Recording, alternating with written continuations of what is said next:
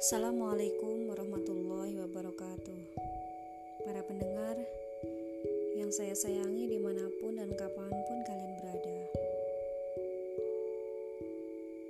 Bab kali ini saya akan berbagi tentang untuk apa sih kita hidup? Apabila kita merenungkan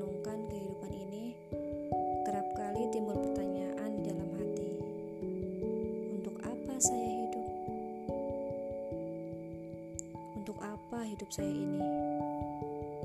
Pertanyaan seperti ini timbul dari manusia, sebab di antara makhluk Allah Subhanahu wa Ta'ala yang hidup di permukaan bumi ini, hanya manusia yang selalu dipenuhi tanda tanya. Walaupun misalnya dia telah tahu, tetapi dia tetap bertanya juga.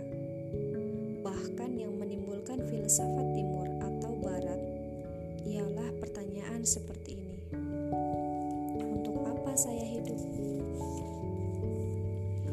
Sebagai penganut agama Islam, kita telah mendapat jawaban dari pertanyaan itu. Jawaban telah diberikan oleh Allah Subhanahu wa taala itu sendiri. Dengan wahyu yang disampaikan oleh Rasul, Allah Subhanahu wa taala berfirman dalam Al-Qur'an, "Wa ma khalaqtul jinna wal insa illa liya'budun." Dan tidaklah aku ciptakan jin dan manusia melainkan supaya mereka beribadah kepadaku. Ibadah berarti perhambaan. Berasal dari kata abdun yang berarti langsung menjadi bahasa-bahasa di daerah Indonesia. Dengan ayat ini, Allah menegaskan bahwa maksud menciptakan kehidupan itu digunakan manusia untuk mengabdi atau untuk beribadah.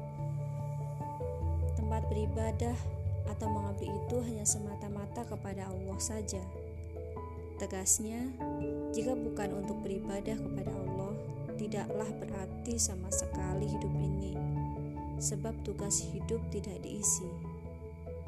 Berkali-kali pula Allah Subhanahu wa taala menyatakan di dalam Al-Qur'an tentang asal-usul kejadian manusia.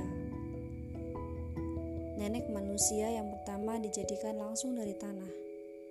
Manusia keturunan Adam terjadi dari mani. Mani adalah saringan dari darah. Kesuburan darah adalah dari makanan. Dan tidak ada satu makanan pun di permukaan bumi ini yang tidak muncul dari tanah.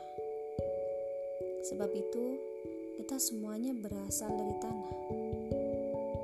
Jika mati kelak,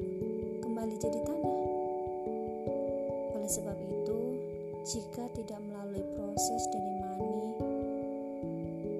jadi nutfah, jadi alaqoh, jadi mudghah, bertumbuh jadi manusia, kemudian melalui hidup bernapas dan kemudian mati.